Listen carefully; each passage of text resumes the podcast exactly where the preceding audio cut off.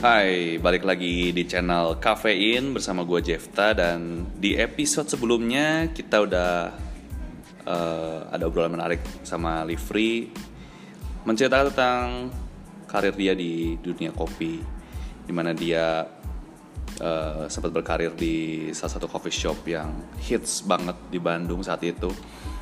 Dia punya pengalaman menarik di sana, belajar banyak banget di sana dan kita eh, sama-sama mau tahu juga nih tentang perjalanan dia sampai bisa punya kedai sendiri nih sekarang di Cimahi ya tepatnya ya. Ya betul Cimahi. Namanya apa tuh, Liv?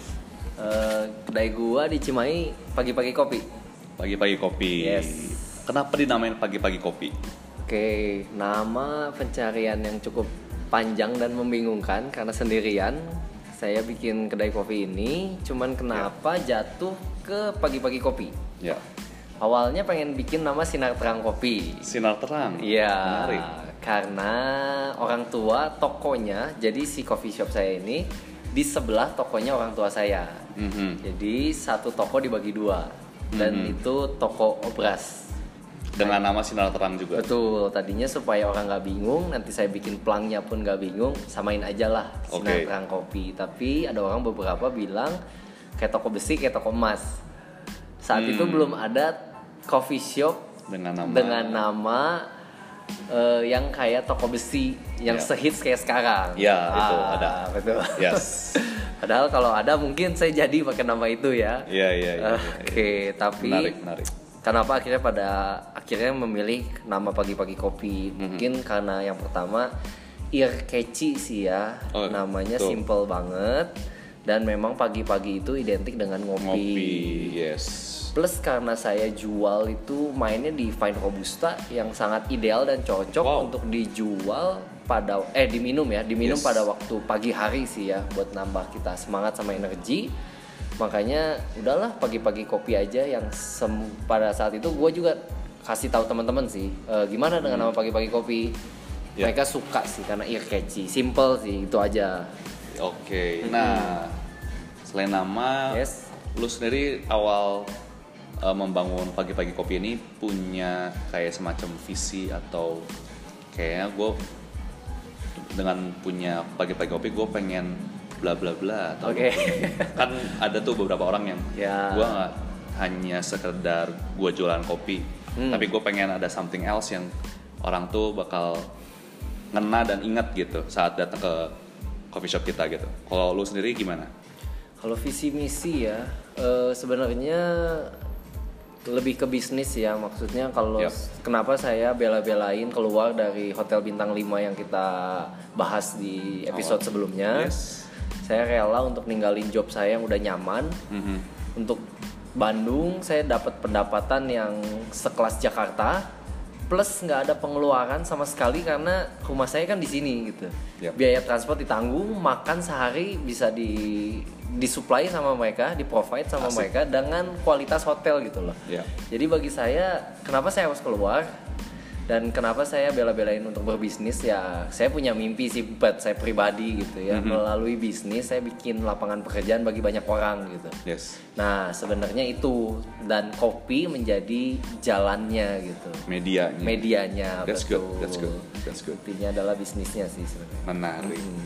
dan eh, membangun sebuah coffee shop itu kan ya bisa dibilang nggak nggak mudah lah ya Betul. dan apa sih yang menjadi struggle lu saat membangun pagi-pagi kopi itu yang lu, lu udah udah jalanin sekarang Oke.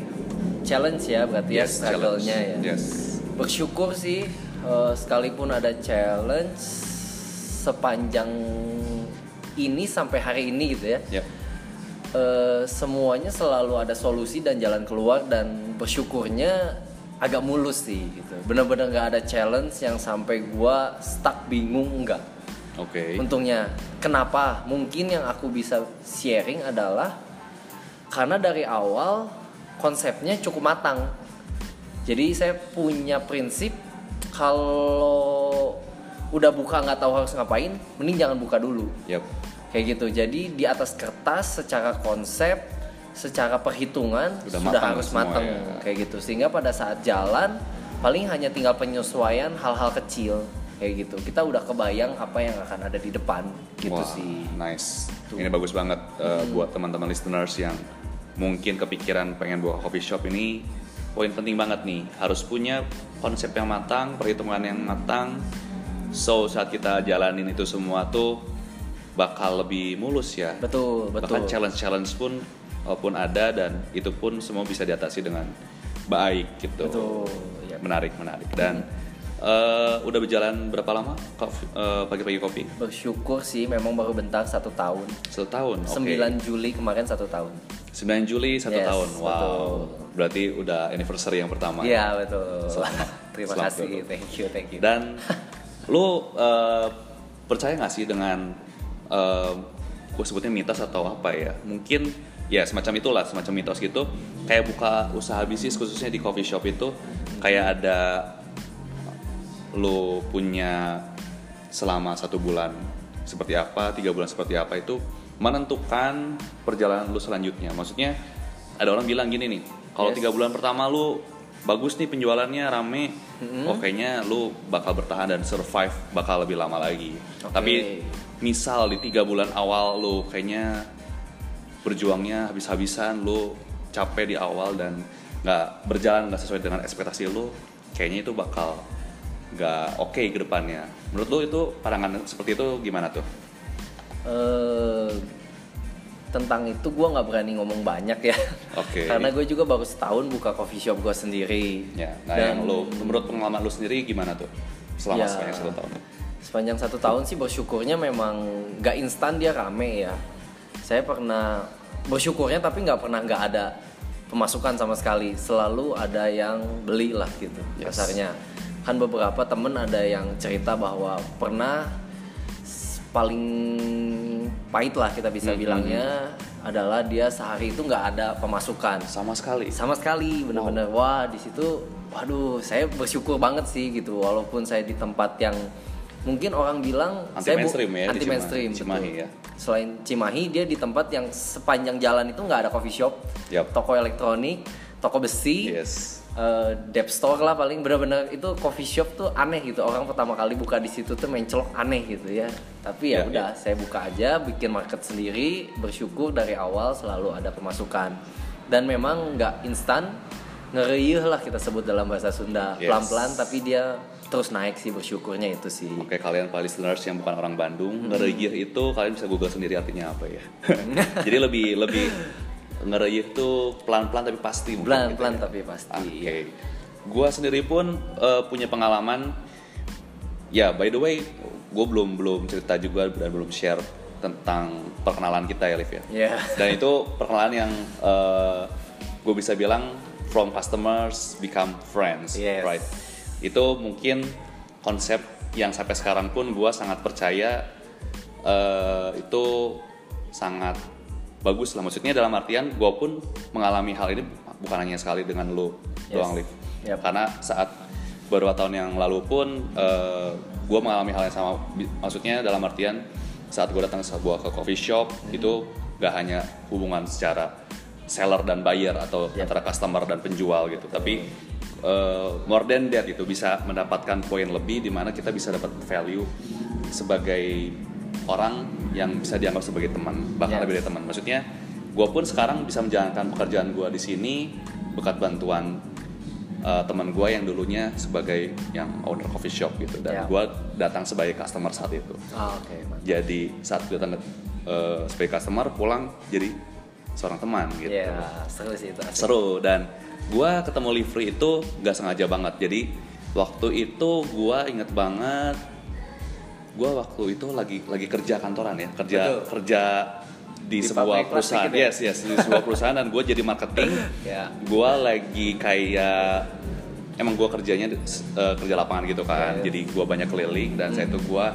lagi ada di area Cimahi dan gue sangat eh, apa ya kaget melihat ada nyempil satu coffee shop pagi-pagi kok dengan namanya pagi-pagi kopi gue langsung punya persepsi dan pemikiran yaitu pasti coffee shop dan tempat kopi Oke, dong gitu oke. jadi wah menarik nih dengan kawasan yang yang seperti tadi Livri sebutin ya ada toko besi ada toko baju Iya. toko toko mas Iya. dan departemen store dan Betul. lain-lain. Betul. Jadi kalau kalian bayangkan itu satu kawasan yang cukup ramai, cukup padat, tapi one way gitu ya, One satu way, jalur. dan gue waktu itu eh, parkir di sebuah department store, jadi gue tinggal nyebrang. Dan gue di situ ya first impression gue sangat baik pad- eh, sama lu Liv sama Ya. Leon ya waktu itu ya gue ingat Leon. banget jadi ada ada lu dan Leon Ya. Leon itu barista di pagi-pagi kopi kalau Leon dengerin podcast ini halo Leon dan gue dapat eh, apa ya maksudnya first impression yang sangat sangat positif dari pagi-pagi kopi Oke. gue dapat sambutan gue dapat eh, maksudnya hospitality yang sangat sangat positif saat Yes. itu Thanks, Jeff. dan waktu itu gue penasaran gitu dengan dengan uh, pagi-pagi kopi akhirnya gue pesen kopi di situ gue minum gue ngobrol kita ngobrol sedikit waktu itu Yap. dan akhirnya uh, lumayan reguler ya saat itu ya Ya. gue lumayan sering ke sana Ya, karena betul. waktu itu gue sering ke Cimahi juga gitu Ya. jadi sering main ke sana Yes. gitu dan itu tadi gue gua merasa uh, nggak hanya kita menjual produk tapi hospitality customer service itu sangat-sangat penting Penting right? banget. karena value itu atau poin itu yang gua pun percaya yang everlasting maksudnya Betul.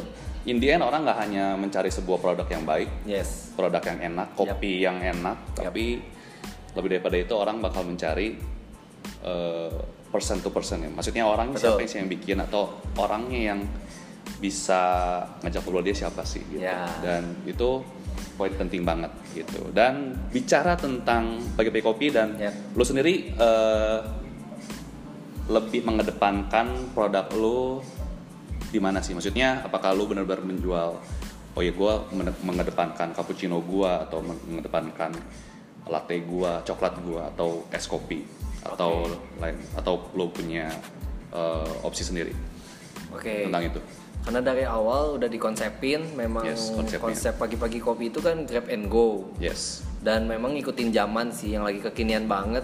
Jadi ya top produk yang saya mau jual itu ya es kopi susu. es kopi susu Es kopi right. susu gitu.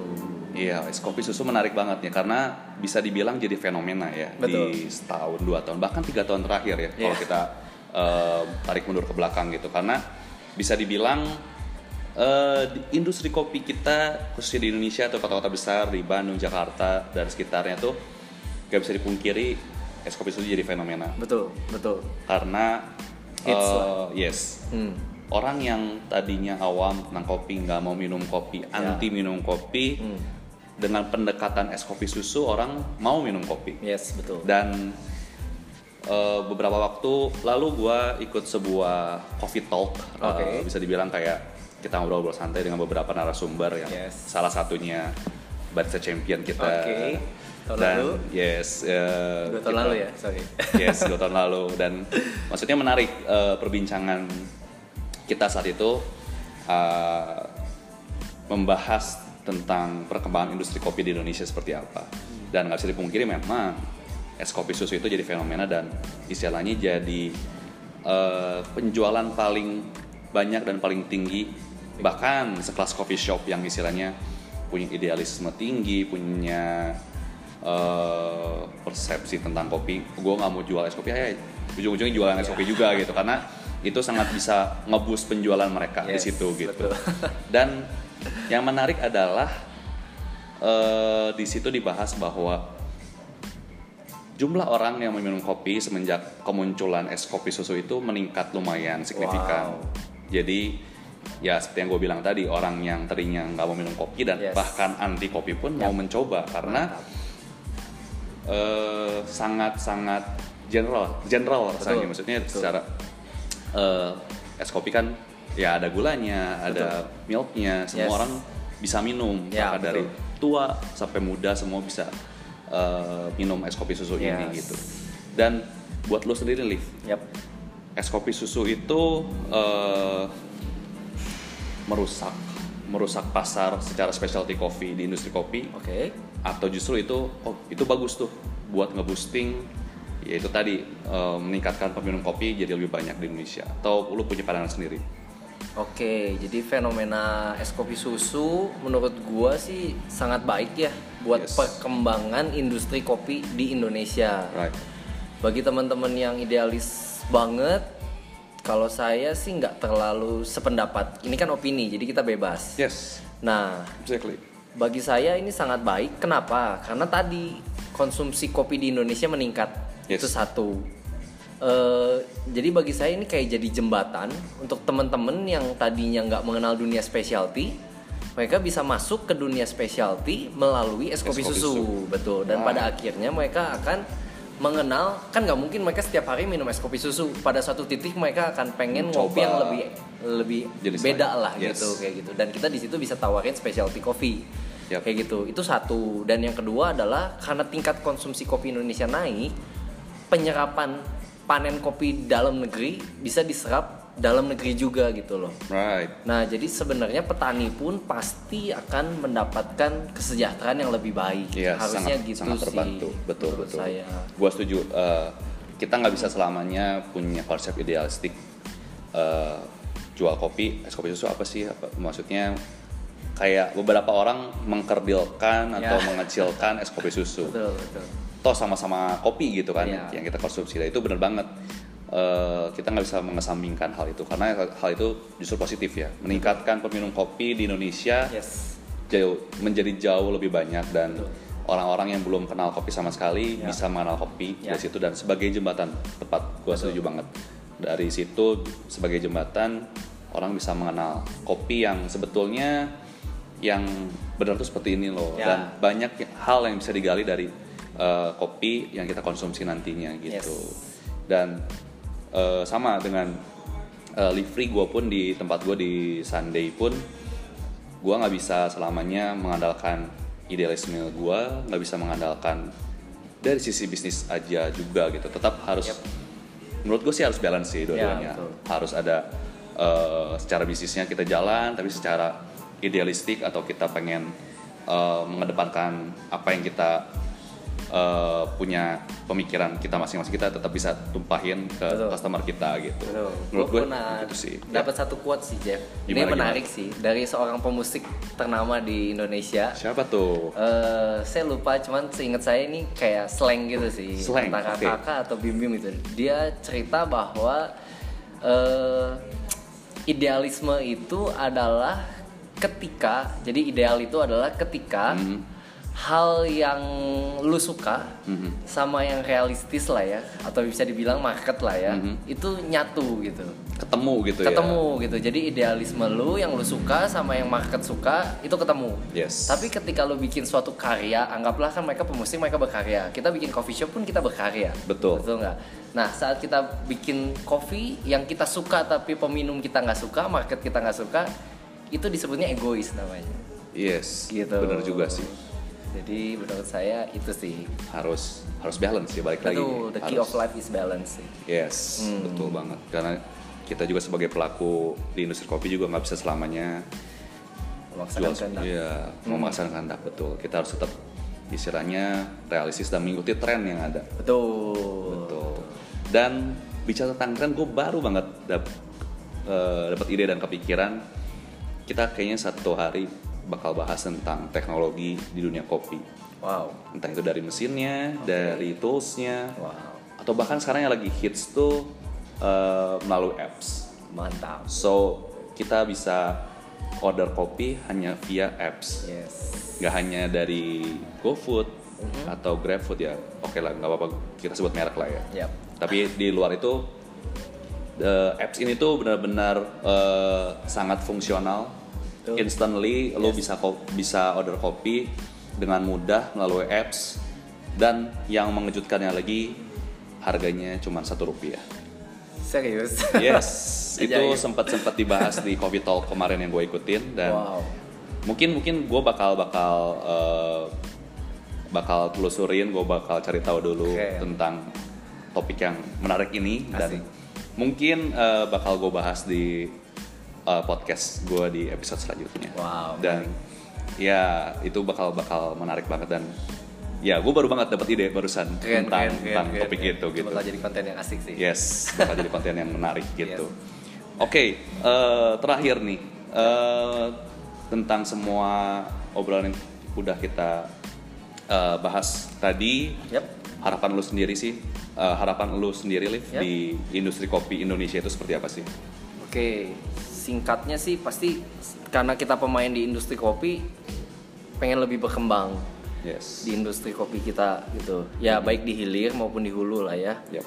Jadi eh, berkembang dalam arti tingkat konsumsi kopi Indonesia semakin meningkat. Yap. Ya tadi caranya kita juga nggak hanya cuman rasa tapi bisa bicara tentang hospitality dan servisnya kita harus baik. Right. Sebagai barista saya pernah belajar dari de- dengar seminar lah ya dari juara dunia World Latte Art Champion 2017 Ristretto bahwa yang terpenting adalah barista atau latte artist atau apa pun kita itu attitude gitu Yes. lebih daripada Right, sekedar produk yang kita buat kayak Setuju. gitu. Nah, terus berkembang nggak cuman tingkat konsumsi kopi Indonesia meningkat, tapi juga kesejahteraan dari semua yang di hilir maupun yang di hulu Semua pelaku di industri kopi betul ini. Yap. itu juga meningkat Yes. kayak gitu karena itu yang akan bikin kita semua sustain gitu Right. berkelanjutan bisnis ini gitu Betul. terus berkembang bahkan sampai suatu hari ya kita nggak pernah tahu kita sampai mana gitu Yap. dan yang paling sih kalau yang harapan saya yang beda mungkin karena saya suka minum kopi robusta gitu ya. Ya oke. harapan saya sih dunia kopi robusta juga ikut berkembang lah ya. Ikut naik ya. Betul, nggak cuma semua tentang arabica. Yes. Karena saya pernah belajar di salah satu lab di Kota Bandung. Mhm. Dia dia ngomong dan saya cukup setuju karena robusta itu dia tingkat retensinya gitu, tingkat dia kuat untuk hidup itu kan lebih tinggi daripada Arabica, arabica. ya. Jadi sebenarnya masa depan mungkin ada di robusta kayak Mhm. gitu. Kita nggak pernah tahu sih. Ya. Kayak gitu. Menarik, menarik. Mungkin itu juga jadi bisa jadi bahan konten kita di Bisa. next episode. Perdebatan antara robusta dan arabica memang menarik juga ya. Hmm. Bicara selain bicara tentang preferensi, itu pun bicara tentang eh, penanamannya, bicara tentang tin- tingkat konsumsi eh, kopi itu sendiri Ya. gitu ya. Apalagi dengan berkembangnya sekarang es kopi susu tadi kita bahas. Yap. Mostly orang pasti memakai beansnya atau kopinya kan Mengandung robusta. robusta, pasti. Right. Jadi itu mungkin ya apalagi dengan uh, forecast atau uh, tafsiran ke depan masa depan di kopi industri kopi Indonesia seperti apa di es kopi susu itu masih cukup panjang Yap. yang memungkinkan konsumsi robusta bakal naik juga sih Betul. harusnya. Betul, betul, betul, betul. Oke, thank you banget Liv buat obrolan kita malam hari, Ya. malam hari ini sangat menarik dan pasti ini bukan eh, obrolan kita yang pertama dan terakhir. Gua kita Oke. kita bakal pasti ketemu lagi di podcast kita di episode selanjutnya. Oke. Dan thank you banget buat semua listeners yang udah ngedengerin kita ngobrol. Tadi kita udah bahas banyak banget tentang eh, perjalanan karir, karir livery dari eh, dia di Hotel Bintang 5, lalu jadi barista di Sejiwa, Yes. and then sekarang dia udah punya kedai sendiri di pagi-pagi kopi di Cimahi. So buat kalian yang ada di daerah Cimahi dan sekitarnya, kalian boleh banget mampir atau bisa truk eh, through GoFood, GrabFood, pesan kopinya di pagi-pagi kopi. Dan thank you saya lagi buat eh, para listeners yang udah dengerin kita. Sampai ketemu di next episode. Stay caffeine and see you next episode. Bye.